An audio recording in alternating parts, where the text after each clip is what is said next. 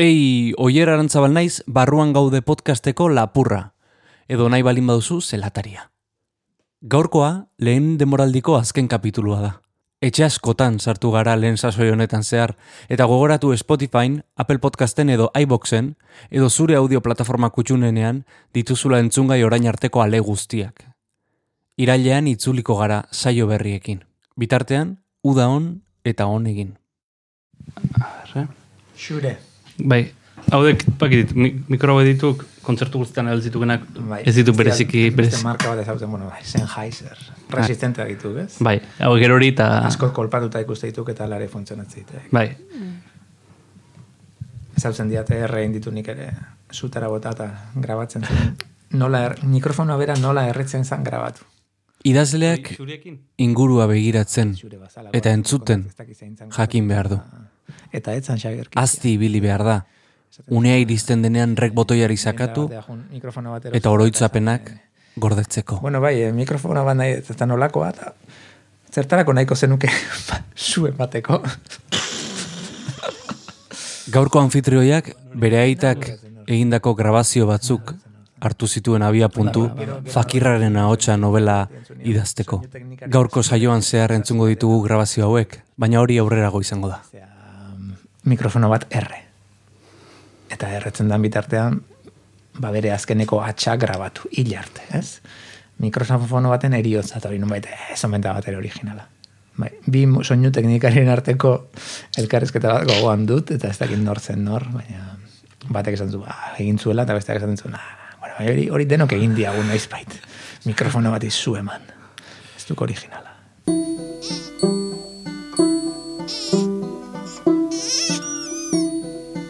Gaur, barruan gauden, Arkaitz Kano. ze erraldoia den hildako euskal kantuen hilerria e, moini hor hori zerbait desolagarria iruditzen zait, ez? Ikustea zenbat disko, zenbat kantari, zenbat talde lanean momentu honetan objetiboki, emaitza oso joriekin, eta inoiz baino heterogeneoakin. Nola, disko horiek geratzen diren alako betiereko limbo batean inork erreskatatuko ez ditu edalarik, ez?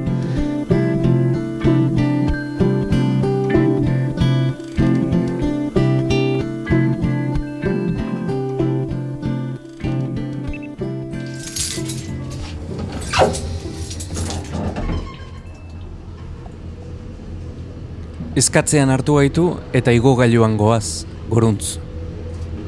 Guardilare ezin iritsi ascensoriekin. Igo baioa, zazpigarren pixura edizten.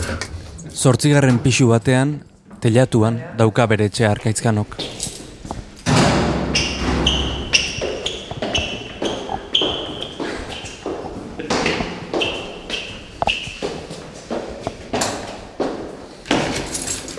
Hemen, deskanse jortan. Topatu nian ben lo, gizon bat, karto, kartoizko kaja baten gainean. Bai.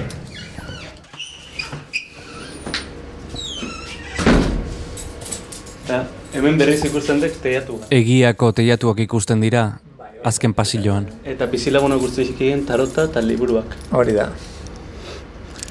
Naiz edo naiz e, usten ditu liburu batzuk nahi ez ditunak, eta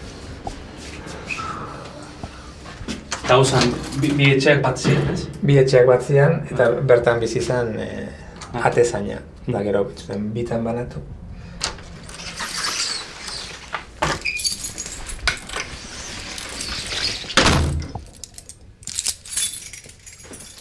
Ondo, ondo.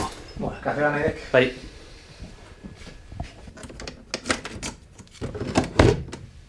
Eta bizilagun guztiak esnatzen dituen kafetera.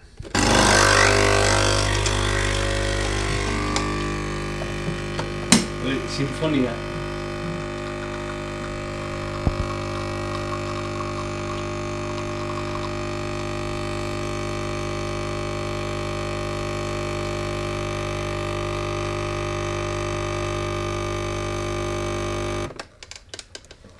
Jesus. Katilua eleganteak, eh? Hori bai. Beste zerrez, baina katilua. Hau da, o luna. Indik ekarritako gari baitu. Ez hau da, e, Santos Bregaña, orain Koldo Mitxelenan dauka erakusketa bat. Berak diseinatutako bajila baten parte. Eta nik egin nien testu bat bajila katalogorako. Eta bajilan katalogoa bera portzelanazkoa zen. Gero erakutsiko dut. Oso ondo. A ber, nola itzengoek, arkaitz. Ja, Ik esate jaken bezala. perfecto. Bai, Bai, horra, perfecto. horra ondo gale. Oso ondo. Lehenengo, osea, eh, beti eskerrak ematea. Be, a- Dexentetan sartu nauk hemen, baina, baina, bueno, bi mikrofonokin sartzen ustea eskertzi. Inkonstiente hutsa, nahi zen seinale. Ez pentsa, eh? Mi- Mikel Iturriak esatasunen naizela arriskutsua. Zanion, eskerrik asko ze arriskutsua naiz da ez, ez zantzian zuetzea arriskutsua. Etze arriskutsua e, kamarari gabe. Horrek eh, babesten nau pixka bat. E,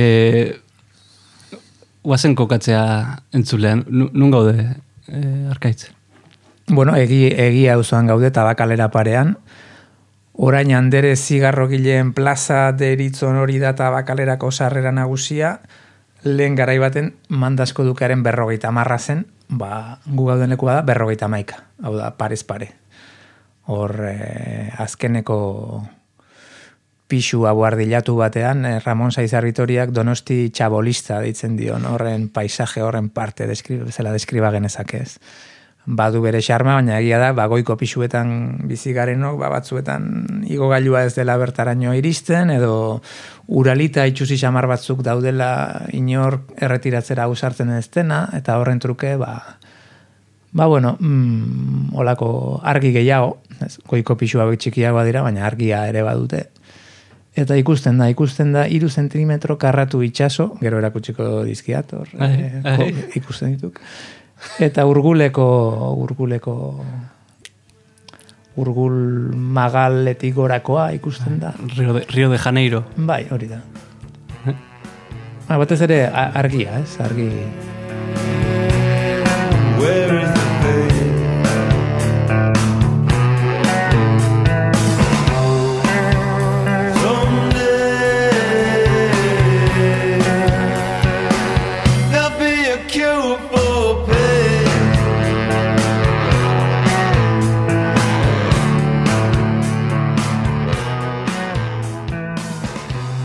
Eta nola iritsitzen ona. Ba, ona laro gita emeretzia. Laro gita emeretziko urtarrilaren bat, e, e, laro gita emeretziko abenduaren hogeita maika, da, urte gaua hemen pasania. Hemen lorenean. E, laro gita emezortzi, laro gita emeretzia, no, e, bizi izan ninduan e, New Yorken, eta handik etorrita. Moduz zegoen etxe kutsi horietako badonostian baita orduan ere. Hau eta da, sekretu badauka txikia izateaz aparte, makurtu egin behar dela sartzeko. Hau da, ez sartzeko zehazki, baizik bestaldera pasatzeko. Bitan banatua dago, eta beraz, e, sukaldeko aldetik logela edo den zati hortara pasatzeko ez dago makurtu beste aukerarik. to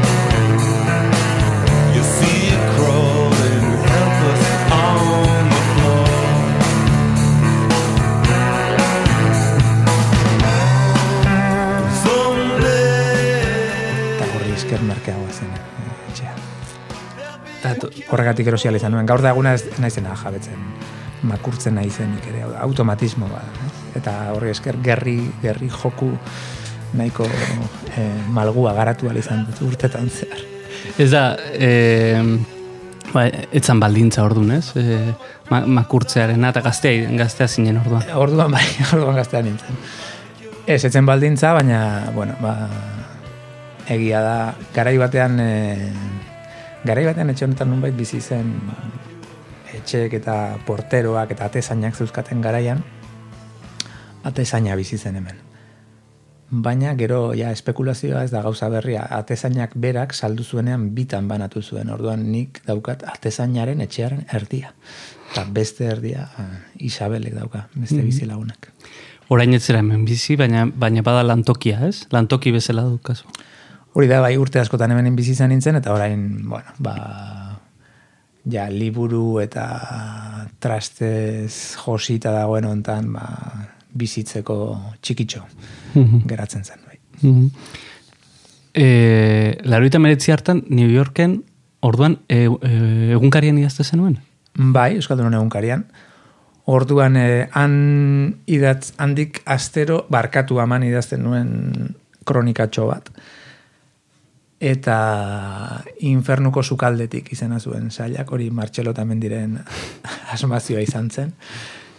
Eta handik, e, ba, e, handi bidalitako kroniken bilduma bat atera genuen gero piano gainean gozaltzen izena zeukana. Bai.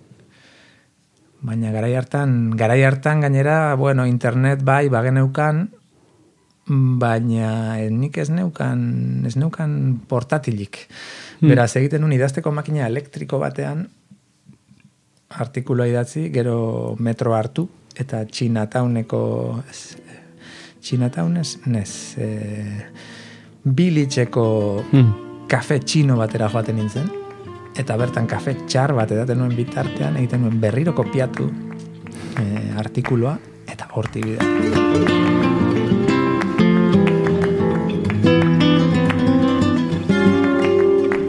La aurora de Nueva York tiene cuatro columnas de cielo.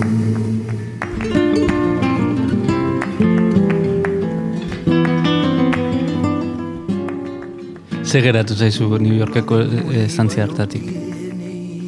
Bueno, ba, oroitzapen ikaragarri bat, askatasun urte bat, edo nolabait idazle egin nunduen urtearen oroitzapena, ez? E, bizitza guztia pasan nuen, ba, ikasten, e, nahiko rutina batean, eta ja, hogeita hiru urterekin, ba, bueno, lehenbiziko aldiz, karrera ere ikasi nuen, no, gurasoekin bizi nintzen, donostian ikasi nuen Bai. karrera, orduan oso oso oso gertuko eremu batean eta ba, urte horretan pixkat izan zen, bueno, urte bete nire kaxa zer da idaztea eta besterik ez egitea, orduan e, ba, do, hor- daukadan horitzapen nagusia da, ino, inoiz izan dudan urterik em, libreena eta behar bada emankorrena izan zela, ze hiru liburu ekarri nituen.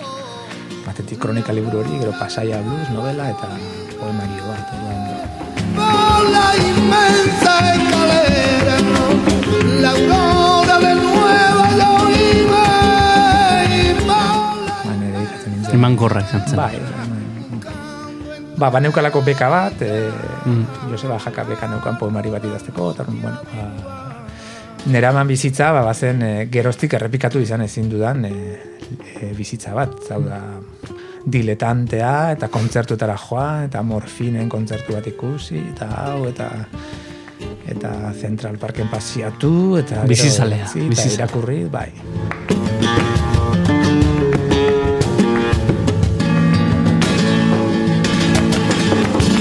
Eta, e, bueno, zuzen bidea ikasi zenuen? Zu- Zuzen bidea ikasten ari zinela, bazenekien ez zinela abokatua izango. Bai, eta izatez em, nire motivazio nagusia zuzenbidea lehen bailen bukatzeko hori zen. Ez hitzai dela bat ere bukatzen, gustatzen, baina lehen bailen bukatu nahi nuela handik alde egiteko. Batetik hori ez, gauzak bukatzeko Hmm. disiplina hori, ba neukan, zitzaiten gustatzen gauzak erdi izkaustea, baina bestalde garbi neukan eh, hori itzela nire bidea. Mhm. Eta bazenekien ze bid- zein zen zure bidea? Ba, e, karrera idazten, ikasten nuen bitartean, e, e, publikatu nituen bizpairu liburu, eta bai. Mm. Ba, Gauza bat zen, gauza bat da nahi izatea eta bestea e, izatea, ez? Bai, bai, bueno, e, garbi neukan idatzi nahi nuela, gero baz, nire bilakabidea zein izango zen eta beste beste gauza da, ez handik etorrita gidoiak idazten dituen, hau da, etxe hau, orain gauden etxe hau, pagatu nuen e, gidoiei esker. Hau da, hasi berriak eta goenkale telesaietan egindako gidoiei esker erosial izan nuen etxe hau, bai. Soldata bat edukitzearen gauzarik antzekoena izan dudana horixe izan zen. Gaur egungo idazle batentzat zaila litzake. Gidoiei esker etxe bat erostea. Euskaraz bai behintzat, e, fikziozko gidoi euske, esker bai behintzat, oso murriztua dago, gaur egun zoritxarrez. Bai, 2000 garren urtean esan izan balidaten neri hogei urte beranduago euskal fikzioa egongo zela horren estankatuta, e, telebisioa esan nahi dut, ba, behar bada ez nuken sinistuko ez. Telebista ikusten duzu? Mm, Ba, ikusten dut batez ere, bueno, telesailak eta ikusten ditut. Telesailak eh, Netflix eta horrelako plataformetan. Mm, Bai, bai. Ez dut izenik esango, baina plataformetan, bai. Hmm. Eh, the City and the City, orain eh, olako zientzia fikziozko bat, atzo. Mhm. Hasi ginen ikusten. Bai.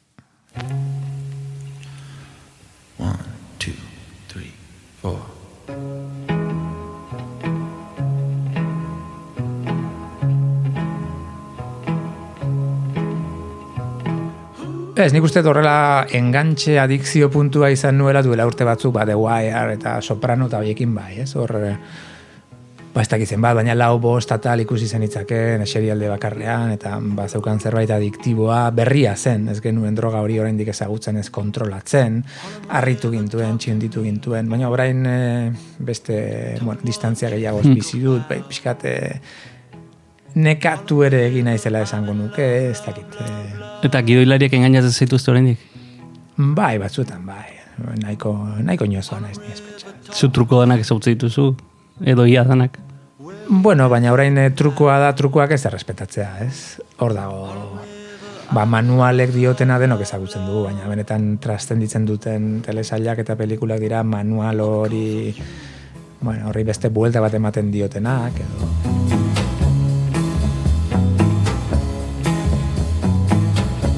my pearl and my diamond shoes, I've climbed a cloud, now I've.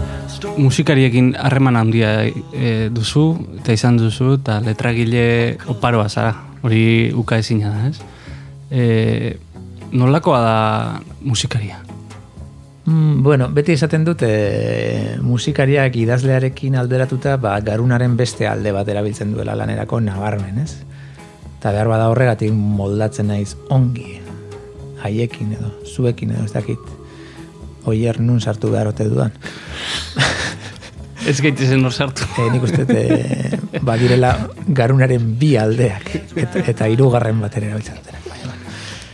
E, ordan e, ez dakit, badago zerbait komplementarioa, ez? E, niretzat e, ez dakit, e, kanta bat egitea, kantu bat egitea, bada zerbait nire gaitasunetatik oso urrun ikusten dudana, ez? Osa, oso, bueno, ez, ez du nire burua konzibitzen melodia bat sortzen, ez? Mm. Eta aldiz konturatzen naiz, ba, musikariek batzuetan badutela harreman konfliktiboa hitzarekin, edo batzuei axola zaie hitzekin zer esan, beste batzuei zain beste. Eta niri hori ikastea zenbateraino axola zaion musikari edo kantari bati musika, edo berak ze kontatu nahi duen, edo zer ez duen kontatu nahi, edo ze hitzekin daukan mania, edo ez, edo mm. dizu, nik hitz hau ez nuke inoiz esango kanta baten. Ta, bueno, ba, horrelako ikasketa hori polita da. Gero, ba, em, fakirran ahotsarekin esan izan dut elkarrezketetan, ez? Ikusten zait kantaria badala norbait oso konstiente bere auskortasunaz egiten duena egiten duelako zuzenean.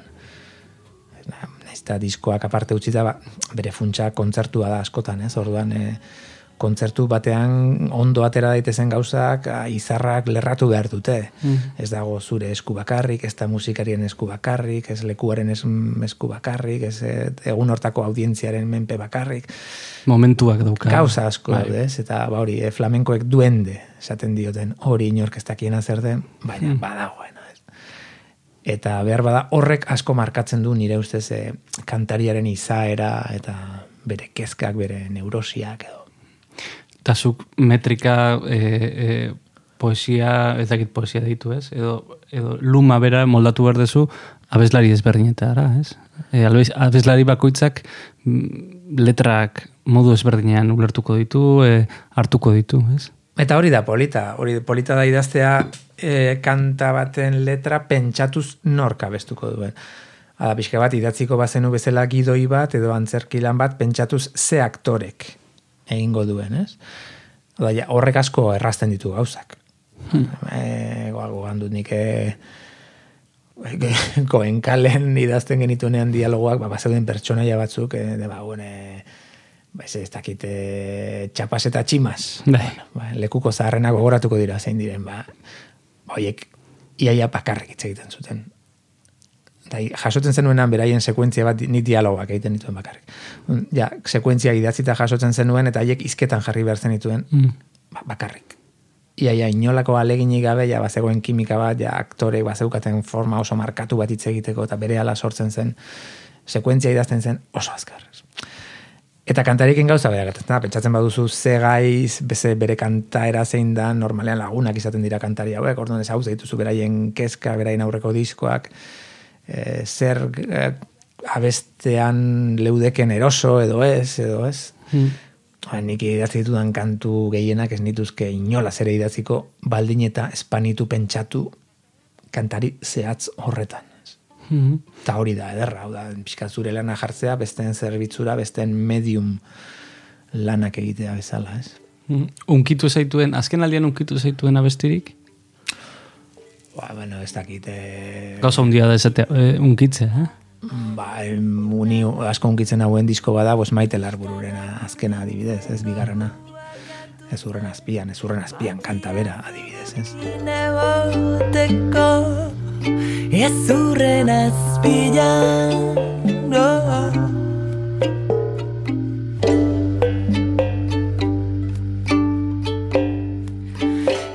Izar laranjatxo kontra lerratu nahiko Ostuak luzatzen hilia eroitzen Azpilan undo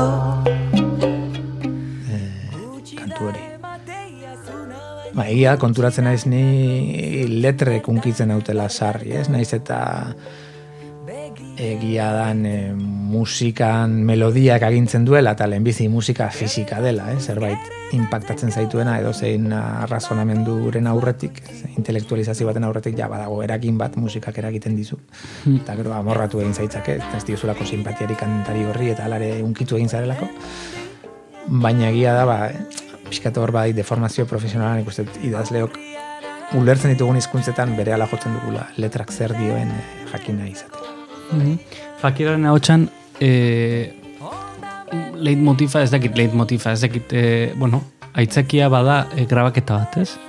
E, hasieran da mairan lotzen duzuna, e, benetan existitzen dena, ez? E, Zer, zer da, nola topatu zenuen e, grabaketa hori eta zer da, zer entzuten da bertan?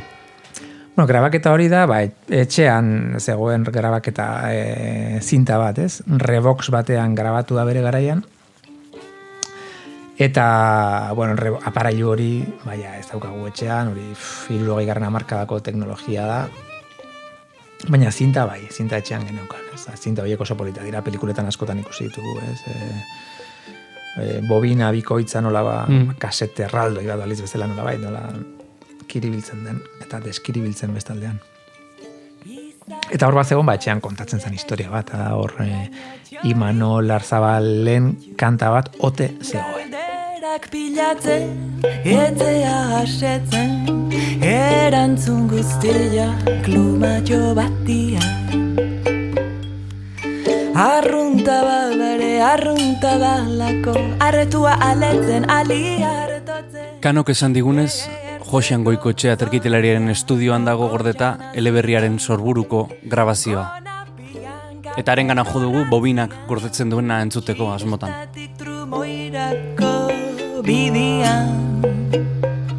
Iraganaren zatitxo bat, edo zatitxo batzuk, kasetean izoztuta. Beste aldian, no. Haupa oier, eh, Josean nauk berriro, eta, bueno, WeTransferra ateadek hemendik, azkenean denetara dituk amaika artxibo, eh? ez nien ondo gogoratzen, eta bai, bazeude, bueno, bere garaian, usteit, arkaitzen aita zala hor grabatzen zituena, Josean Goikotxea terkitilariak digitalizatu eta bidali dizkigu artxiboak. Arkaizkan oketzuen nahi izan grabazioa entzun novela amaitu arte. Ze gure aitak bai go- gogoan dauka, nola grabatu zion kanta bat. Ez zeukana zigur zan, benetan zinta horretan ote zegoen kanta hura. Ze zinta horiek oso garestiak ziren, garai hartan, eta orduan e, grabatzen zen gainetik, Bai. eta zati batzuk konserbatzen ziren, beste batzuk luzeak ziren. Mhm. Hau da, zinta bi aldetatik, bai, bar, bada, hiru ordutako zintak ziren. Eta orduan hori izan duen fetitxe bezala, ez. Eta erabaki nuen ez entzutea zinta novela bukatu arte. Eta orduan novela bukatu nuenen orduan bain, joan nintzen Josean Goikotxearen gana, eta ark, e, arekin batera entzun nuen.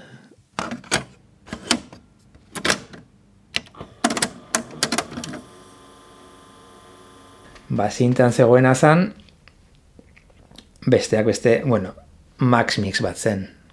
Zeuden grabazio, garai ezberdinetako grabazio askoren kolaz bat zen. Tartean zegoen Nicolás Guillenen poema bat, bere haotxean grabatua. Un blue llora con lágrimas de música en la mañana fina. El sur blanco sacude su látigo y golpea. Van los niños negros entre fusiles pedagógicos a su escuela de miedo. Cuando a sus aulas lleguen, Jim Crow será el maestro. Hijos de Lynch serán sus condiscípulos.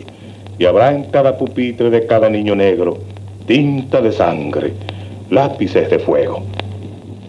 Así es el. Ziurraski disko bat jarrita mikrofono baten bitartez regrabatua, nolabait kopia bat. Eta zen Little Rock poema.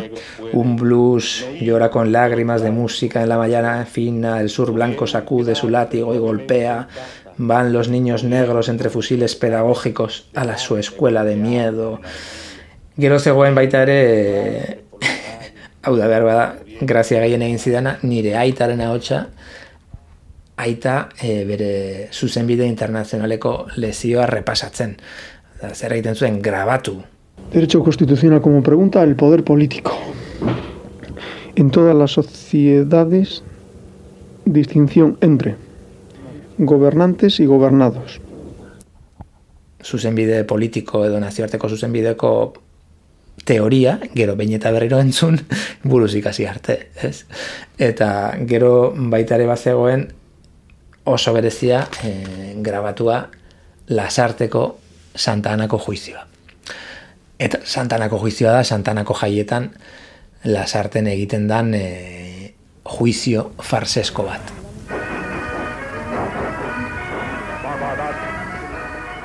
Eta juizio horretan egiten dira epaitu bitxori malo eta bukaeran zua ematen zaie. Eta juizio hori epaiketa aprobetsatzen da urtean zehar lasarten gertatu diren gauza xelebreen parodia bat egiteko.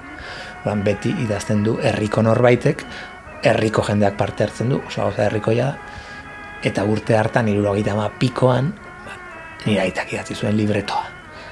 Eta haren grabazioa dago osorik ezpada hortxe hortxe.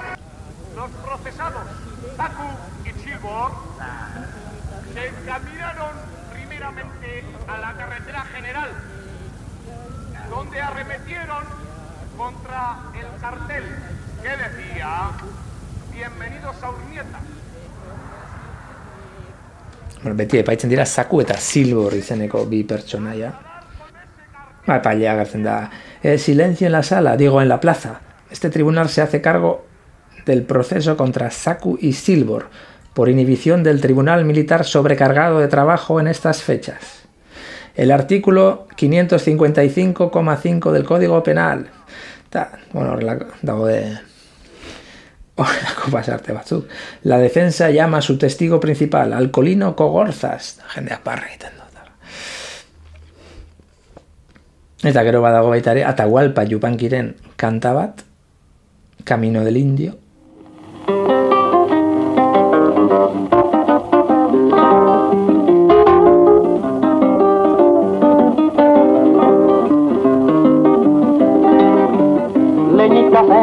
Aquellas lomas voy a buscar. Eta Aranjuezko kontzertua Vicente Escuderoren versioan. Joaquin Rodrigoren kolajoa.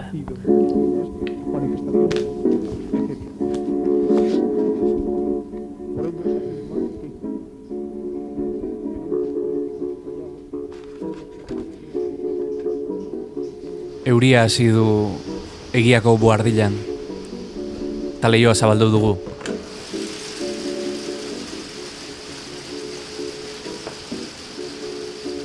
Euriak ez du barkatzen uralitaren aurka. Mikrofonetatik errex sartzen den zarata da.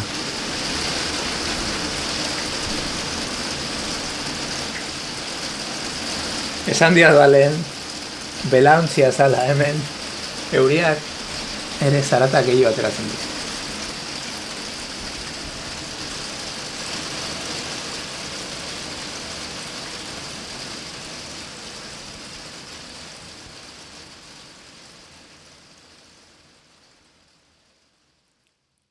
Topatutako grabazioen artean, bazen George Brassensen kantu bat, Alors j'ai mordu ses lèvres pour savoir leur goût. Elle m'a dit d'un ton sévère, qu'est-ce que tu fais là Mais elle Maurizio Elizalderen berso zarrak ere, Andre nobian, ile odian, edeki izazu atadian.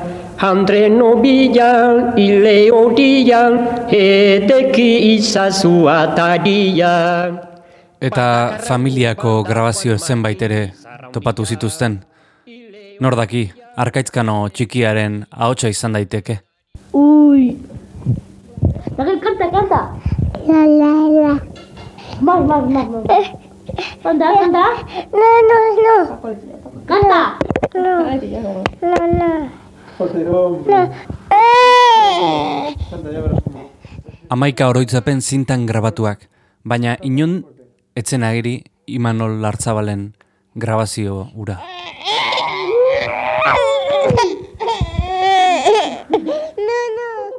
Dena ezin baita gorde, dena ezin baita oroitu.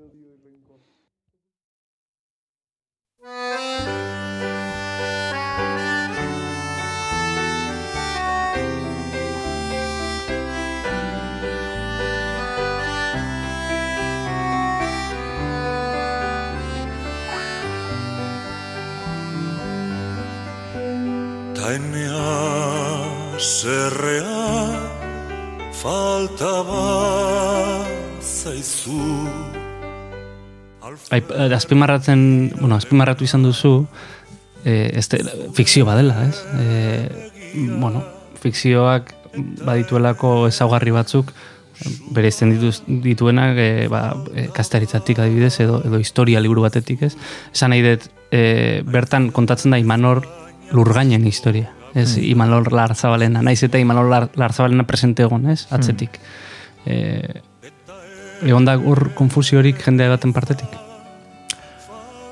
Bai, bueno, logikoa zen konfusioa behar bada, ez? E, Imanol Larzabal, Larzabala egiten zitzaidan novela batean giltzaperatu behar izateko, beraz, e, aukeratu nuen lur gain kabituko zen Imanol bat, naiz eta lur gain dagoena ez dagoen fikzioan, ez? Hor, hor e, bueno, hiru olako salto mortal, hirukoitz bat e, egin nuen horretaz konstiente izaki eta horrek dauzkan arazo konpone zinezko, ez? Konstiente baita ere. Eta ene oroitzapena faltaba zaizu zertarako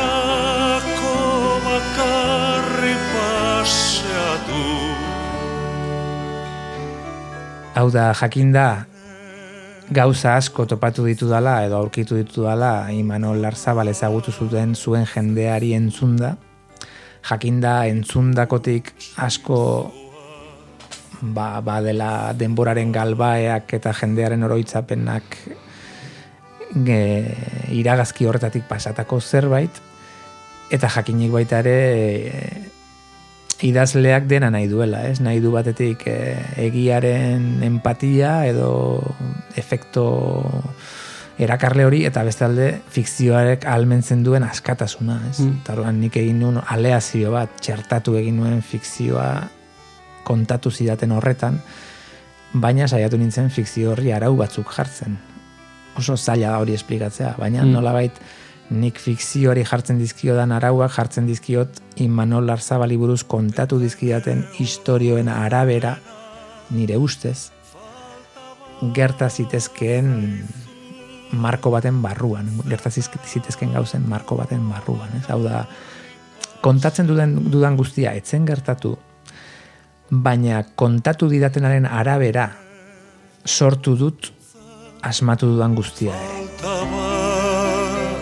Zaizu bilutsik zoaz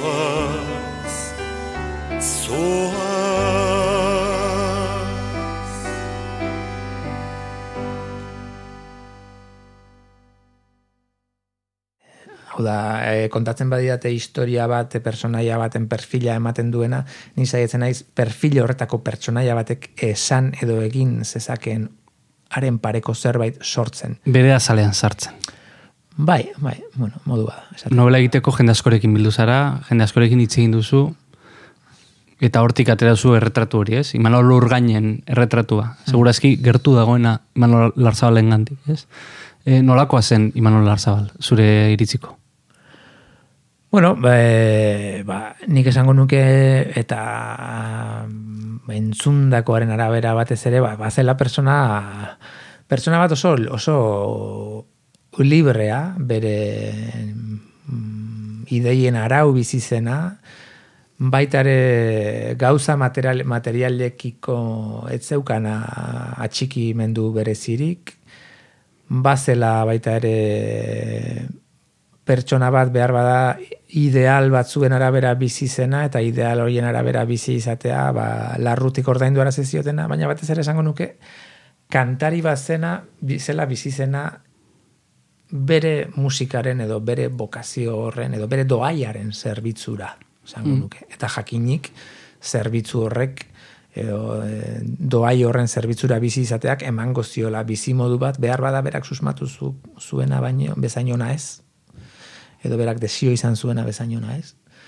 Baina hori emango ziola ez? E, eta behar bada oso markatua ba, Parisen pasatako urte hoiengatik ez? E, berak e, Parisen ezagutzen dituenean Paco Ibáñez eta Mustaki eta denak, ba, behar bada egiten du bere pelikula, bere etorkizuneko pelikula, haundia izatean zer izan nahi duen. Eta behar bada hori egitea euskaraz kantatuz eta soziologia jakin Mm. batean eta urte jakin batzuetan, ba, etzen berak aurre ikusi bezain posible edo.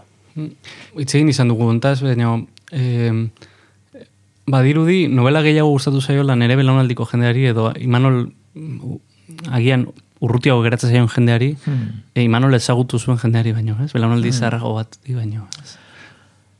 Bai, behar bada badagoelako distorsio saiestezin bat, ez? E, norberak gertuti bizi izan dunean historio bat, eta xehetasun oso zehatzak ezagutzen dituenean, sens- sensazioa da oso posesiboa garela gure iraganarekin. Orduan, e, gure iraganari buruz negoziatzeko pres gaudena besteekin, eta batez ere gu baino gazteagoak direnekin, e, txikia da. Hau da, ez hori ezen horrela izan, edo nik ez dut horrela oroitzen, edo claro, naturala da, ez? Ze onartu behar dut nik askatasun asko hartu ditu dela novela hau idazteko orduan. Ze askatasunak hartzeko hartuko espanitu edo idazlearen amoraltasun jolasti hori neure buruari permitituko espanio, ba, ez dakit, ez dakit nire lana zertan zertan datzan, ez? E, nik horrela ulertzen dute idaztearen lana. Da, eta izatekotan ere, askatasun gehiago ez hartu izana lepora dietzaioken nire buruari, baina inoiz ez gutxiago hartu, ez hartu izana, ez? Orduan, em, bueno, sai ez zina da, e, ne, norbait galtu zidan, ba, zu bihurtuko bazintuzte, hemendik urte batzutera perfiziozko pertsonaia nola hartuko zenuke, ba, Hmm. ba, bueno, ba, modu sai ez zinean, ezingo nuke ezingo nuke edo zaila izango egingo litzaidake fikziozkoa ez den nire ni horrekiko identifikazio biografiko erabateko bat, ez? Jolas bat bezala Hmm. irakurriko nuke edo saiatuko nintzateke irakurtzen, ez? Orduan e, ba, Imanol Larzabal ezagutu zutenen kasuan ba, normala da sortzea daulako distorsio bat, ez? Ba, irakurle mota batek horri aldeek aurrera egin ala asumitu dutena edo, edo konbentzioan sartu dira eta beste zenbaitek ba, behar bada ez. Lo- Lortzen duzu Imanolen azalean sartzea, ez? Eta hori da eta horrekin batera dator e, alambrearen gainean e, ibiltzea, ez? E, ez dakit, nire sentsazioa izan da e, momentu batzutan alambrearen alde batera erortzear sentitzen dezula zure burua, eta beste momentu batzutan bestera, ez? Hmm. Batzutan Imanolen alde zaudela, Hmm. ez? Eta beste batzutan esatu zuen, hortik ez, ez? Hor- Hori ez, Imanol, ez? Ez dakit. Eta, eta sentsazioarekin gelitu naiz ni behintzat, e- ez zarela erortzen ez alde batera ez bestera. Ez? Ea, Olako ronka bat planteatzea zeure buruari, e, horren komplejua den gauza bat kontatzeko, horren matiz, hainbeste matiz dituen e, personaia baten inguruan? Bai, ikustet, idazlearen ogibide nagusia matiz gintza dela. Hau da, ze, zu nire lana zein da, nire lana nabardurak dira, ez? Eta, orduan, eta nire minak dira, eta nire frakasoak dira, nabarduretan ez asmatu izana, edo ez hor, nik hor ikusten du nire burua. Eta, bai, baina nabardurari daidakioki, ba, ba, lambrea, ez? Baina uma o, gi- gizaki ez ari garenean mm, horretaz ari gara, funtsean, ez? E, kontraesan, agultasun, e, argilun, hoietara ez bagara idazle bezala hurbiltzen e, zein da gure lanaren interesa. I, intriga, suspensea, reprodukzioa, kronika, notario, epaile, fiskal, ze izan nahi duzu. Abokatu. Jinkoak nazala libra. Orduan, e, eta bai, eta batzuetan mugak ba, labainkorrak dira, ez? Eta, baina hala, hala behar du, iruditzen zait.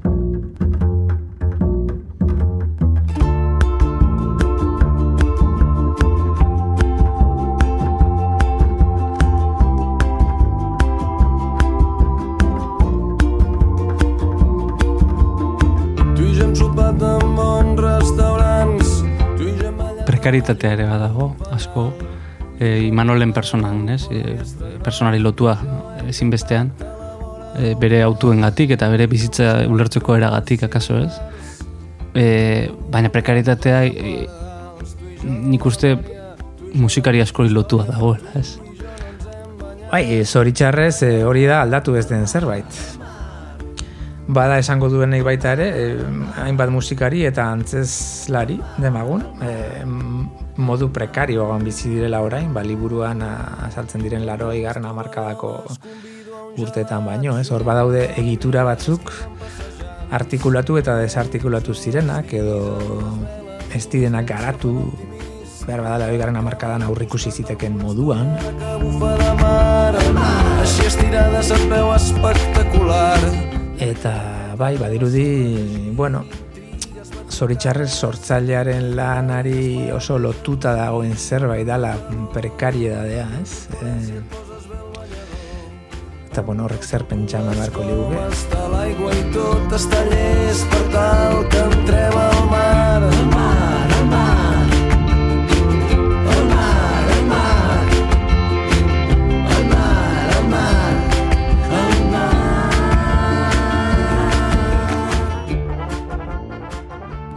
Entzun izan dizut esaten, ez zaizula gustatzen idazle bakartiaren e, figura.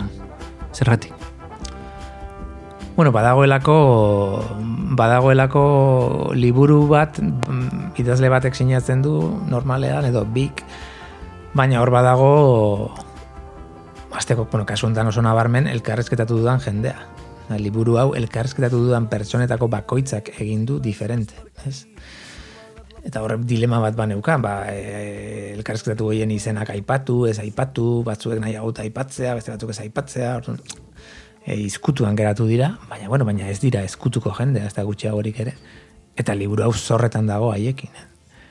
Eta behar bada elkarrezketatu ez dudan beste norbait elkarrezketatu banu, ba, liburua diferentea izango zen dudari gabe. Baina haietako bakoitzak eman dite zerbait, ez? E, iluminatu dit pertsonaia nik espero ez nuen angelu batetik. Eta gero dago liburu bat, e, liburua irakurri duen jendea, ez?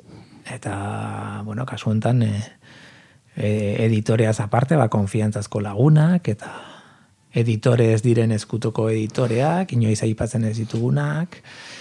Orduan, e, hoiekin e, injustizia handiak egiten ditugu batzuetan, ze haiek ere lan egin dute liburuaren alde. Eta liburua aldatu da, behar bada, gu konstiente garen, ez, konstiente ez garen neurri batean. Haien lanari esker. Hor badago e, eskola bat, e, liburuen genetika aztertzen duena, ez? Hau da, eskatzen dizute eta idazle batzuekin akordioa egiten da. Zure bizitzan idazten duzun guztiak gorde, baina gorde berzio guztiak.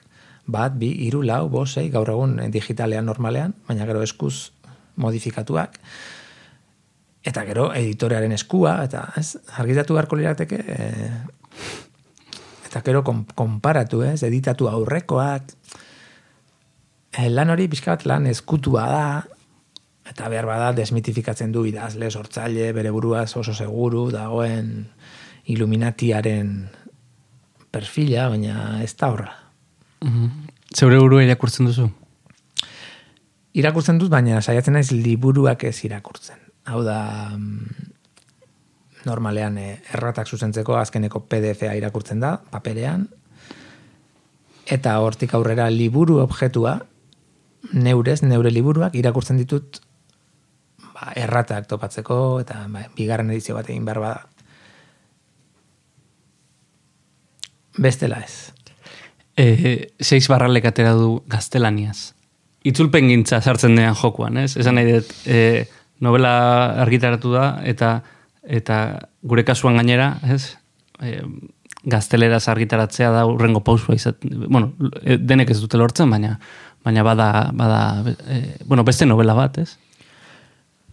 Bai, a ber, horre mm, bi, bi kontu daude. Batetik, e, itzulpena gaztelaniara, gau, gaztelaniaz bizi gara baita ere, euskeraz da gaztelania, aztarteka. Orduan, e, gaztelania neurri batean geure hizkuntza da.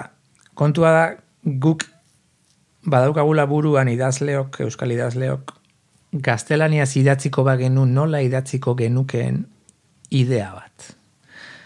Oda, naiz eta nik euskaraz idatzi, fantasia bat egiten dut, eta fantasia horretan badaukat ameskeria baten idaztankera bat gaztelaniaz. Ala, idatziko nukenik baldin eta gaztelaniaz idatziko banu. Zer gertatzen da? Gaztelaniara itzultzen duenean itzultzaile on batek, irakurtzen dugun itzulpen horretan, identifikazioa intermitentea. Ada da pixka bat e, kotxean goazela e, irratia sintonizatzen ari bagina bezala eta, eta sartzen gara tunel batean.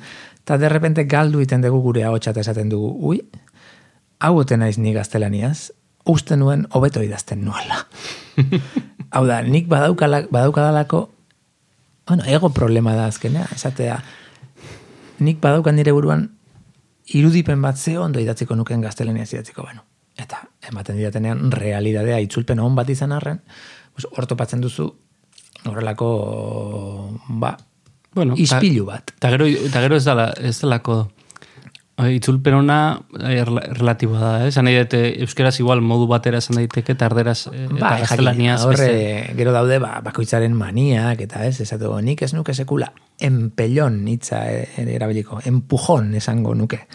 Ez, edo horrelako, edo asko gertatzen da, e, e, pasarte erotikoetan, ez, Gor, e, gogoratzen naiz, e, bere garaian Jorge Jimenez itzultza aritu zenean, Angel Ertxun diren lanekin, ba, beraien el, elkarrekin joaten ziren asteburu osoa pasatzera, pues horrelako, horrelako pasarteetan, ba, ikustera bakoitzarentzako zer zen erotikoagoa, edo ze hitz, edo ze sinonimo, edo... Eta orduan, e, oso, ba, froga gogorra da baita zure burua itzulita irakurtzea zuk ezagutzen duzun hizkuntza batean, edo zuk zer horri saiatzea itzultzen, ez? Zu zer horri itzultzen duzunean trampa gehiago egin dezakezu, ez? Ba, edo itzultzen ez dakizun gauza bat aldatu, edo konbentzitzen ez zaituena bestera batera idatzi, edo on dira bi esperientzia diferente. Kasu honetan, eh, Jon Muñozek itzuli du, hasieran ni hasi nintzen itzultzen, baina ikusten nuen ez neukala e, denboraz eta ez nitzela iristen, da azkenean bere eskutan utzi nuen. Eta egia da beti, beti dagoela mm, elkarlan bat, ez? E, Beti daude pasarte batzuk, ba, bueno, ba, zuk zure zure igurtzia eman nahi diezunak bereziki, edo, ez? Eta hor negoziazio bat ere badago, e, delikatua izan daitekena momentu bakoitzan, baina oso prozesu aberazgarria da.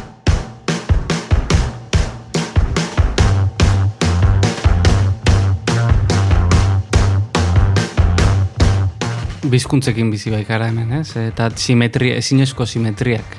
Hmm. E, artikulu bat e, argitatu zenuen bozentoko eunkarietan eta sekulako oi hartzuna izan zuen. E, gainera, saritua izan da. E, ni, ni neu harritu nintzen, bueno, el korreok sari bat emango dio arkaitzi, eta zer eta simetri, Hmm. ezinezko simetriaren inguruan eh, aritzeagatik. Bai, deigarria, deigarria izan zen. Ni pentsatu nahi dut, ba, badagoela, bueno, horre, desizozten ari den zerbait, ez? Bueno, baikorra nahi zenetan hori pentsatu nahi dut. Ez, ba, badagoela, ba, nola baite, beste era batera, beste kodigo batzuk adosteko, adosteko nahi bat ere, ez? E, momentu batean esaten da, bueno, beti dago hizkuntza bia dakizkienaren eta hizkuntza elebakarraren artean, pues beti dago ezberdintasun bat, asimetria bat, ez? Baina nola, nola gainditu daiteke hori? Hizkuntza autua norberak hitz egin nahi duen hizkuntza hitz egin dezan bermatuz, ba ni dut e, kortesiarekin. Azteko eta behin. Hau da, hor bada, Bai. ba, e, badago edukazio ona deritzon zerbait, e, gure arazoen, mm, arazo guztiak ez, baina arazoen euneko hogeia edo hogeita marra e, konponduko lukeena, ez? Da, bueno, ematea ba, ez da, behin planteatu nuen, ez? E, eun, eun hitz. Bueno, ba, e, eun hitz jakin beharko genituzke de- denok euskaraz, euskaraz hitz egiteko ez nahirik, ez gogorik, ez asmorik, ez daukatenek ere, eun hitz jakingo, vale, ja- jakiteko ze hori, e, kompromiso hori hartuko balute, pues ja, bueno, minimo bat e, Hmm. balegoke, ez? Eta, eta minimo horretatik nor daki, gero ez litzateken domino efektu bat sortuko ez dakit batzuetan oso baikorra naiz. Trastetan ez, hori denoi gertatzen zaigu ez, e, lagun bat izaten nien lenguan Euskaldunok badakogula zilegi dela apokaliptiko jartze batzuetan ez. E, deno- Ba, bueno, eta, eta sanoa. Oa, ni apokalipsiaren zale amorratua naiz. Beste gauza bada, apokalipsi ironiko bat izan behar duela, ez? Apokalipsia eta bere ironia eta bere sarkasmoa txikita dara matzan apokalipsis bat, ez? Mm. Ez duan edai, apokalipsi depritegi bat, eh, hau da, depretegi bat.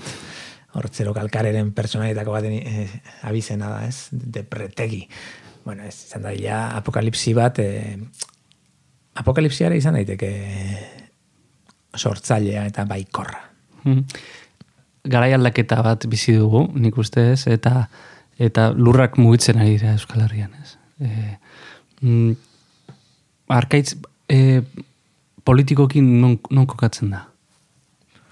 Bueno, ba, aldak, aldaketa horretan beti egona izen lekuan gutxi gora bera, ez? Ba, batetik eskeptizismo handi batean, bestetik e, baita ere jakin minaren ereduan, gizartearen eredu eskertiar bat e, Mm. ten konbentzimenduan, eske, ulerte, ulerbedi eskertiar hori zentzu zaharrean, hau, ezingo dut irratian egin daiteke hau, la, asterisko bat jarri, Bai. ez? eta jarri, ba, bai, ba, bai. bueno, hitzak behar dira elkar ulertzeko, ez? Eta uste dut e, Euskal Zaleoi dagokigula baita ere behar bada mm, ba inoiz galdu ez dugun e, kompromiso hori ez aztea edo deitu nahi baduzu militantzia edo edo pelmada ematea, baina ez ez dago besterik superbibentziarako, edo iruditzen zaite gauza batzuek eh, edo berme batzuek edo erabaki batzuek eskatzeko orduan epelegi jokatu dugula, ez? E, hizkuntzaren ez leku batzuek eta hizkuntzaren eta ez hizkuntzaren bakarri, baizik eta demagune nire obsesioa dena, euskal kantuen Hmm. eh, ekosistema horren babesa, ez? Horre iruditzen zait, asko ere erabaki ausartagoak egin behar direla, medio publikoetatik eta bitarteko publikoekin, ez? Eta hori ere politika da, eta ekosistema da, eta oso kezkatua ikusten dudan bezala jendea, eta ni ere banago, ba, sudurretik zer, eh, zer zabor sartzen dugun edo ez dugun, ba, nahi nukeen jendea mobilizatzea baita ere, ba, belarrietatik zer zabor sartzen dugun edo ez dugun horrekin, ez? Ze hori ere ekosistema da, eta hori ere osasun mentala da. Mostikea, zu atzean Etzan da daude zure begiak Moztu papinen zilborestean Bai, Davidek, eh, bueno, hor eskuntzaren eh, eskuntza ulertzeko modua da, ez nire ustez gakoa, ez? Askotan eskuntza eskoletara mugatzen den kontzeptu bat, ez da, ez? Ez nahi dute eskuntza da etxea eta eskuntza batez ere da, dira edabideak.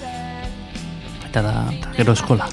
Bai, eta, esk eta eskuntza eta eskola lotzen, lotzen da am, zerotik amabira bitartean. Ez?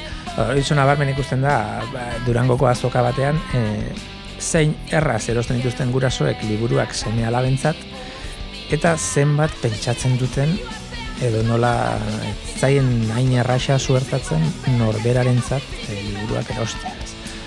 Badirudi, ez, hor badagoela adin franja bat nun eziketa, nun liburuak, nun horrek badaukan leku bat, eta gero ba hori e, nolabait iraungi egiten dela.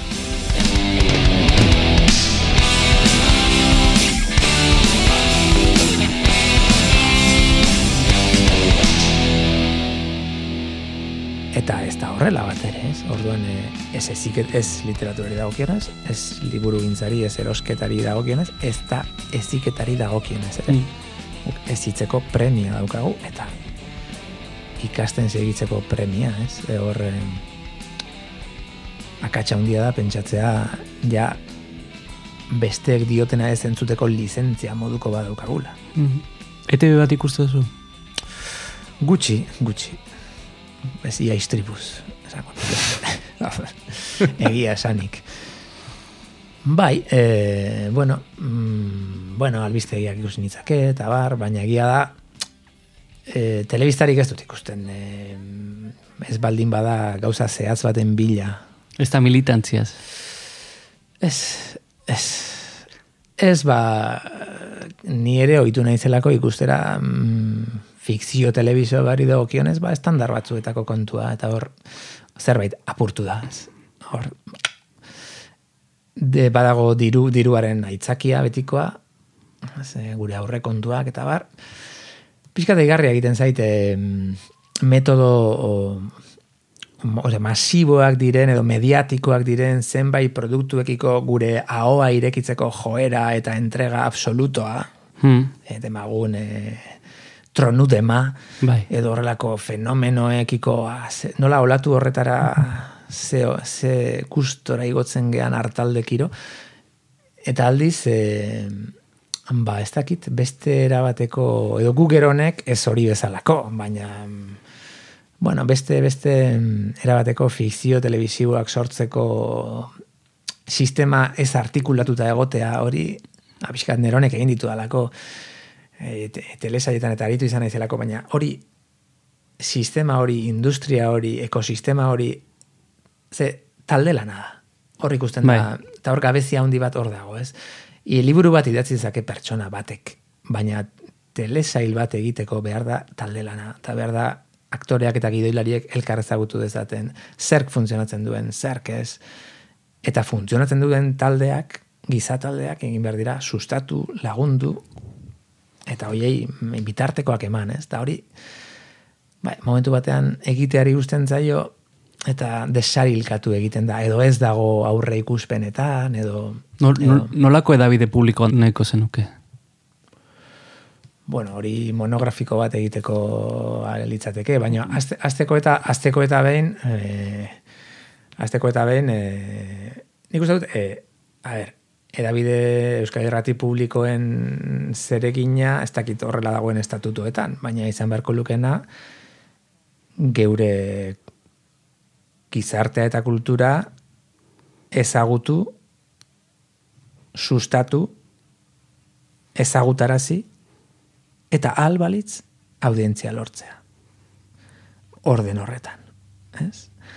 Orduan, e, hori presente edukiko duen edabide bat, e, sikiera, ez? Hau da, eta kuota usain guztien abolizio batekin, eh? E, o nun, oh, askotan sensazio dauka, ba, delen esaten duena, ez? E, Nertzako oso gogorra da ikustea, ba, zuek kan, eta kantariak eta ezagutzen zaituzte dalako, eta ikusten dudanean, ze erraldoia den hildako euskal kantuen hilerria, e, bueno, hor, hori zerbait desolagarria iruditzen zait, ez? Ikustea zenbat disko, zenbat kantari, zenbat talde lanean momentu honetan, objetiboki, o emaitza oso joriekin, eta inoiz baino heterogeneoakin. Nola, disko horiek geratzen diren, alako betiereko limbo batean, inork erreskatatuko ez ditu edalarik, ez? Oen, eri hori, herri bezala oso horra iruditzen zait. Bestalde, ari garenean modua kritiko batean laudatzen ez dakin noren eh, Madonaren edo dena delakoaren eh, azken diskoa edo efemeridekin gertatzen zait, ez? E, falta botatzen dut, ez dakit hori kultur sailaren azpisail baten azpisail baten adarkadura izan beharko luken, baina, hau da, e, edukitzea oso konstiente nazioarteko efemerideak zeintzu diren, eta ez edukitzea geure efemerideen, ze efemerideen bidez hiltze hiltze, eta mailukadaz mailukada ere, hori tresna bada ereitiko eh, memoria kolektibo bat eraikitzeko, ez gaur bezalako egun batean duela berrogeita mar urte, Bai. alako, grabatu zuen alako. Bueno, hori eraikuntza kultural bada. Eta horako gauzatzen nahiko axola gabe jokatu ote dugun susmoa daukat. Eneko zagardoiekin hitz egiten, bera orain patria telesailan dabil lanean, eta berak esaten zuen, ez? E, falta motatzen zuela diru publikoa, e, ba, zinegotzi baten hiliketa kontatuko duen telesail bat e, iteko, edo e, errefuxiatu baten eta bere alabaren arteko harremana kontatuko duen telesail bat egiteko, ez? Eta hor dago, e, zea, ez? E, berriz goaz, ez? Kontakizunaren historioa, ez? Baina, e, ez da gauza berria, zinemak eta telesailek orain, ez?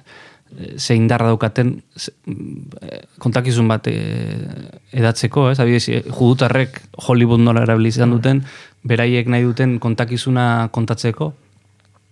Eta, eta guk oraintxe adibidez, ze gaitasun gabezia daukagun, e, ba, bueno, ba, historia horiek guk kontatzeko, ez? Gure historia guk hemendik kontatzeko, ez? Ez dakit, eh, Ba, hor bi gauza daude. Batetik dago... Batetik dago, bai, erabat adoz, badagoela, bueno, e, fikzioaren bitartez garai bat azaltzea, azaltzea, edo momentu batean epifania batera lortzea, edo komunidade bate e, gertaera batzuekin pe- zer pentsa jartzea, hori badago. Oain, nire sensazioa da baita ere, azkeneko urteotan, e, behar bada, fikziora dedikatzen garen hoi eskatzen zaigula berez guri ez dagokigun laun bat. Hau da, mm, beti jartzen den adibidea, baina eh, Madame Bovary idazten duenean Flauberrek ez du idazten Madame Bovary emeretzi garren mendean olakoa zen adirazteko. Idazten du Madame Bovary pertsonaiak eraikitzeko eta merezi duelako eta eta hor Madame Bovaryn garrantzitsuena Madame Bovary da. Ez emeretzi garren mendea eta ez Frantzia.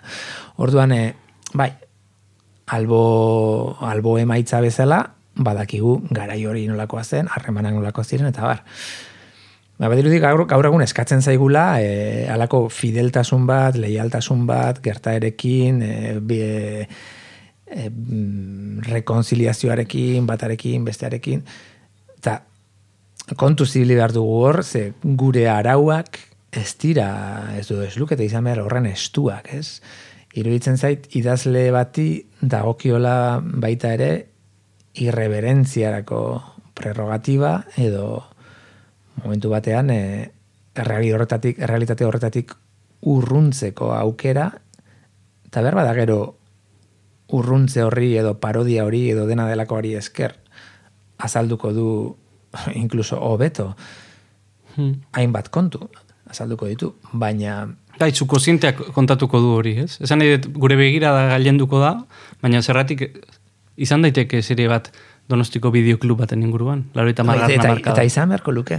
Ez? Osea, izan beharko luke. Hau da, e, askotan e, iruditzen zait modu tendenzioso egi batean edo modo autorresponsable egi batean edo modo modu nolabait e, memoriaren konsientzia indartsu Kar- karikatura, eta batzuetan zamatsu batetik sortzen abiatzen bagara, Mm. ostras, batzuetan behar bada, edo errespetu gehiagi diogulako, edo importantegia den zerbait kontatu beharra sentitzen dugulako ahaztu gaitezke e, fikzio on bat egitea dela gure gure zeregina. Mhm. Askotan jotzen du telefonak zure e, buardilan. Bai, bueno, e, telefono mobila ez izatearen prezioa da fijoa izatea. Oso vintage dena. Baina gehienetan izaten da e, propaganda. Hmm. Badakazu alde eskutu bat arkaitzalare, telefonoa ez zaukazu, baina batzutan bai, nik oraindik nahi dut jakin zein den zure eskutuko Twitter kontua. Ez Twitter konturik ez daukat. Egia da, telefonoa, jabetzapeko telefonoa ez izateak, ez du esan nahi, ez dakidanik telefono bat, modu rudimentario batean patrikako telefonoa erabiltzen, eta batzuetan benetan, ba, telefono bat mailagatu beste aukerarik ez dago zure eskubide zibilak ez galtzeko. Zia, ez dago internetez e, hegazkin txartel bat erosterik, ez badaukazu telefono mobil bat eskura, edo transferentzia bat egiterik, eta bar, ez? Orduan, hor, hor e, bur, burruka horretan bizi naiz.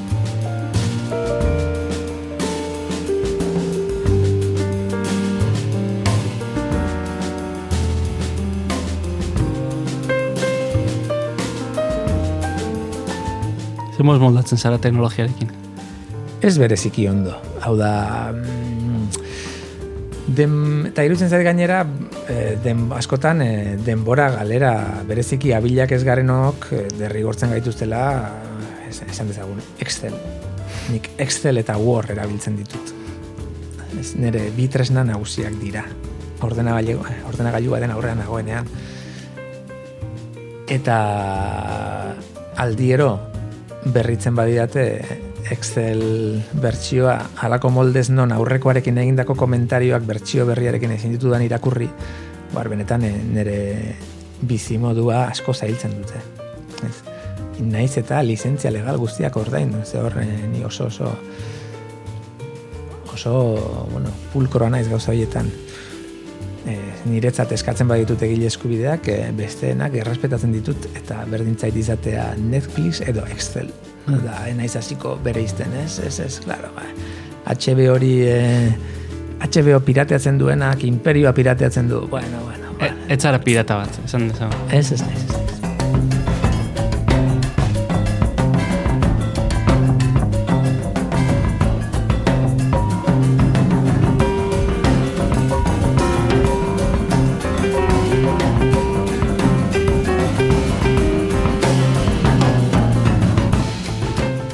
E, non, guazen e, berriz ere hemen kokatzera e, jendea, ez? E, ordenagailu bat daukazu, bi ordenagailu dauzkazu. Bai, Hiru ordenagailu igual. Bada espada, bai.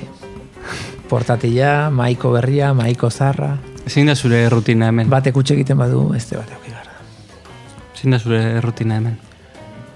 Novela bat amaitzen ari banaiz, ba, hemen, hemen bizi naiz.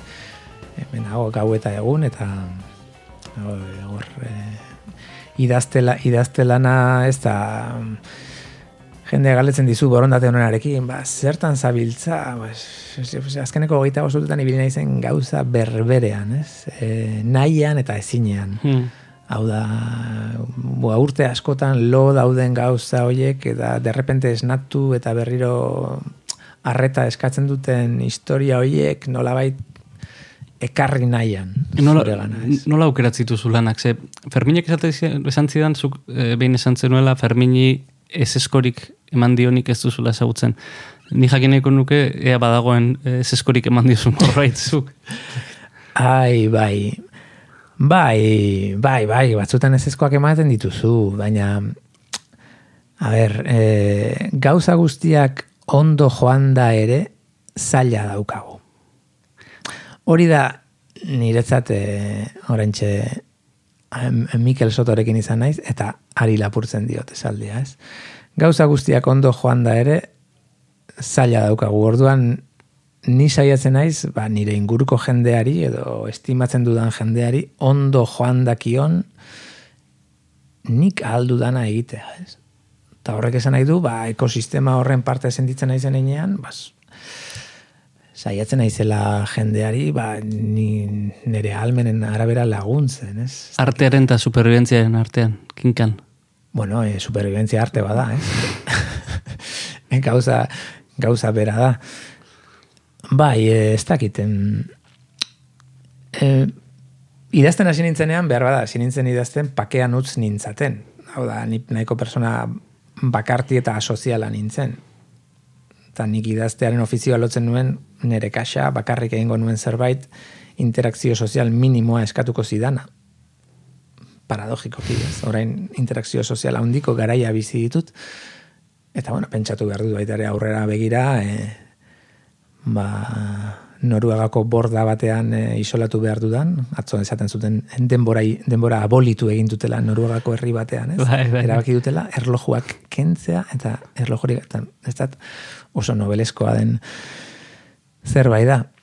Orduan, em, ez dakit, orain, ba, gorputzak eskatzen dit, e, ba, nire izaeragatik eskatzen dit, e, bizi, bizitza sozial handia daukadan garai baten ondoren, ba, eskatzen dit trikutzea, ez? eskatzen dit eskutatzea. Submarinora itzultzea. Bai, badakizu e, guardilla honi e, belaontzia deitzen diogula, e, bere itxuragatik, eta makurtu behar delako, eta, eta bar, eta haizea asko entzuten delako, haizeak astintzen duenean, oso zara eta interesgarriak entzuten dira. Orduan, bueno, ba, ba, orain banago fase horretan pixkat belaontzia portutik aldentzeko nahi edo bai, korputzak eskatzen didan zerbait da. Baina bestalde, e, iruditzen zait, mm, nik idazle izateko aurkitu dudan modua hau da, ez? E, jendearekin gauzak egitea, eta behar bada, ba, nire obsesioak ere aldatzen doaz. Jendearen Mm. obsesioekin kutsatzen joan naizen enean. Eta ez nago deseroso bihurtu naizen multiobseso honekin, ez? Hau da, bestekin igurtzi handiko idazlea bihurtu naiz. Bai, horrek nire lanari kaltea ekarri dio, atzeratzea, atzerapena eskatu dio, denbora gutxiago dedikatzea. Ez dakit bazer esan, e, lehen, aipatzen zenuen alambrea, bas, ba, kinka horretan ere asmatzea izango da kontua, ziurazki.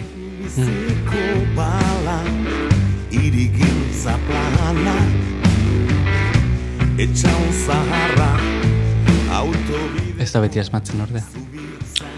Ez ez da beti asmatzen, batzuetan e, ez ezkoa esan ondoren penatu egiten zara, beste batzuetan baiezkoa esan ondoren damutu, beste batzuetan baiezkoa oso konbentzituta eman ondoren gauzak ez dira esperotako bidetik ateratzen, batzuetan zure proiektuak eh, atzeratzen dira asko, beste batzuetan ez dakit, baina ez zait iruditzen e, Bada, bada gauza badela e, denboraren lujoa ematea, ez? E, hau da, proiektu bakoitzari merezi duen denbora ematea. Hori gaur egun, oh, gaur egun oso zaila da, eta gaina kontra, korrontaren kontra joatea da. Eta uste dut hor gotortu behar dugula, hor pixka radikalak izan behar dugula, esateko orduan, e, beira.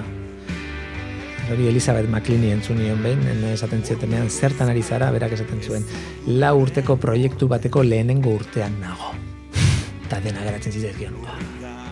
Eta oso oso formula polita erutzen zaitze, ja, Baldintza garbi usten duzu baldintza. la urte beharko dituzula zerbait egiteko. Ze edo zer gauza serio egiteko la urte behar dira.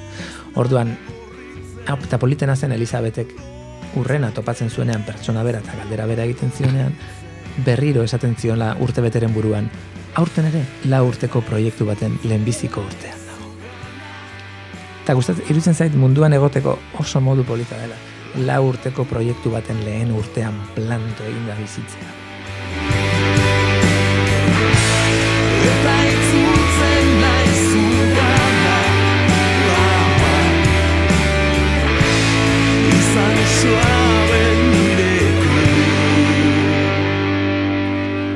Galdetuko dizut e, denbora hitz egiten gabiltzala mm, nola ikusten duzun nahi jakin zure iritzia bizi ditugun garai azkarrek e, hauen inguruan. E, e, geure benal, belaunaldia ez eta geure nere belaunaldia eta ostekoena e, bizi da olako harrapala batean ez? Eta batzutan ba, lau urteko proiektu baten lehenengo urtean egon beharrean e, bos segunduko... eh, Normalean lau eguneko proiektu baten bosgarren egunean. Hori Hori da gure... Ez, baina nola, boaier bezala nola ikusten duzu eh, geure espezie. Ez, Transizio... Transizio garai batean, ez? Hau da, iruditzen zait, em, igual oso ekipo gauta nago, seguraski bai. Baina... mm, E, dena oso azkar zahartu eta ahazten den garai batean dena oso azkar zahartu eta ahazten den horren kontzientzia ez dugula erabat hartu edo geure ganatu, ez? Hau da, gaude, gauzen kaduzidade iraungipen azkar, azkar, azkar horrena. Eta sensazioa daukat, ba, gizakia berez denagatik eta azkenean zentzumenek gugan, batzuten ahazten dugun arren eta gorputzak gugan uste dugun edo baino askoz ere garrantzi gehiago daukanez korpo, korporeidadeak, ez? Osea, usainek, ukimenak, gorputzak. Sensazioa daukat, e, behar bada etorri daitekeela horren nola baiteko buelta bat, ez? Em, berriro ere e, bizitza pantalla batekiko atxikimendu edo itxatxita bizitze horrekiko reakzio bat inminentea izango dela, iruditzen zait. Hau da, egongo dela dosifikazio bat, bai, denborarekin gauzak bere oreka berreskuratzen dute eta dudarik gabe teknologiak baditu abantaila ikaragarriak eta horiek baliatzen jarraitu behar dugu, baina mm, behar bat egongo da hor iraultza txiki bat. Ho- Horre, hori relatibizatzera eramango gaituena, edo ez dakit... Eh, Edo kontrako movimendu bat, ez? Desinformazioa, bizkortasuna, eh, referente falta, eta muturreko gozek normalean sortzen dute olako... Bai, bai, behar bada, ez dakit, eh, animalista berriak izango dira teknologiarekiko mm, beste planteamendu bat ekarriko dutenak, hemendik hamar urtera, hogei urte izango dituzten hoiengan ez dakit. Nola bukatuko dugu elkarrezketa? Eh, Andoni gainari bertsoa bukatzeko eskatu nion. Eh, eta ez hori novel, no, novela nola bukatzen den, ez? No- Nola, nola amaitzen, no ez dakizu amaitzen dela novela bat, nola ematen diozu eh, azken, nola ematen diz- dizkiozu azkenengo eh, zertzeladak novela bati? Kasu bakoitza diferentea. Politena izaten da, topatzen duzunean, normalean, e, gutxi gora berako bukaera bat baduzu, hasieran, intuizio bat. Baina politena da, liburuaren idazketak berak ematen dizunean beste bukaera bat, ez? Aurrekoa baliozat, balio, gabez, balio gabetzen duena. Eta topatzen duzu idazketari esker beste bukaera bat. Eta dira, niretzako bukaera politenak hori dira, ez? Ze, garbi ikusten duzu ez dela buruan zen eukana, baina topatu duzu bat gehiago gustatzen zaizuna. Beste batzuetan eh, ez dira bukatzen, abandonatu egiten dira, ez? Da, mm, bukatu da gasolina, bukatu da hori bezain prosaikoa, ez? E, ja, ez dago, ez dago gehiago, bukatu, agortu egin da. Mikrofonoa zutan bezala. Mikrofonoa zutan bezala, hori da. Orduan, em, da gero dago de pertsonaiak, ez? Hor, ez dakit inoiz bukatuko dudan, baina badukat novela bat bukaerei buruzko novela baten hasitako lau urteko proiektu horietako batean. Eta da ensaiakera bat litzateke bukaerei buruzko saiakera bat. Orduan, e, eun egunez egin nituen duela urte batzuk jeiki orduko egunero pelikula bat ikusten nuen, gozaldu aurretik. Eta pelikula horren bukaerari aztertzen nuen, folio batean. Askar, askar. Osa, modu oso impresionista batean. Eta orduan, hori egin nuen hiru lau hilabetez. Eta baditut hor eun bukaera, aztertuak. Eta hor nire, nire ondorioa izan zen gero utzi nuen. Proiektu asko horri dira. Baina, behar bada hori berriro hartuko dut. Ondorio nagusia izan zen pelikula gehienetako bukaerak darwinistak direla. Hau da, espezien biziraupenaren teoria goiti bera betetzen da. Edo protagonista ez da egokitzen eta hil egiten da. Edo egokitzen da eta bertan geratzen da estatus berri, berri horretan. Edo ez da egokitzen eta alde egiten du. Ez, hori blokeatuta bazaude fikzio baten eraikuntzan, normalean eh, Darwinengan pentsatzea aholkatzen dienik eh, literatur tailerretan. Eta fijatzen bagara westerretan eta pelikula konbentzional gehienetan, protagonistaren patua hiru horietako bat da. Eskerrik asko arkaitz. Iri oier.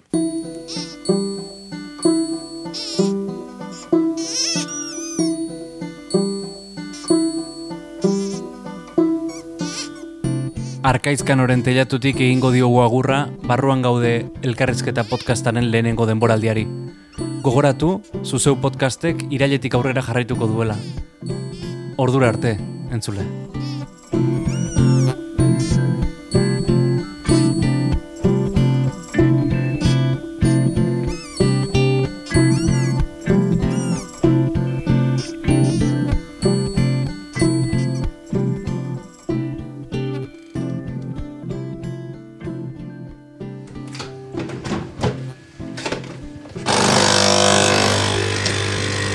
George, intzak lan pixka bat.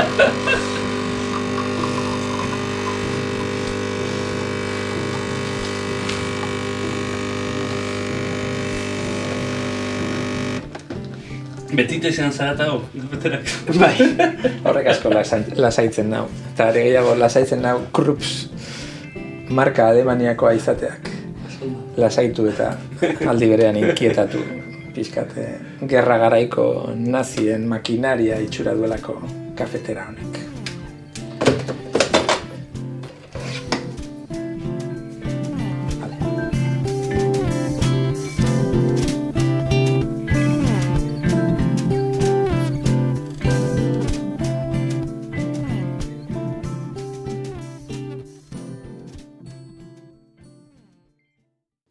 Esker bereziak Josean Goikoetxea trikidilariari audioa digitalizatu eta igortzeagatik. Barruan gaudeko sintonia Joseba Irazokiren kanpoan abestia da. Do tokitik kanpo diskokoa.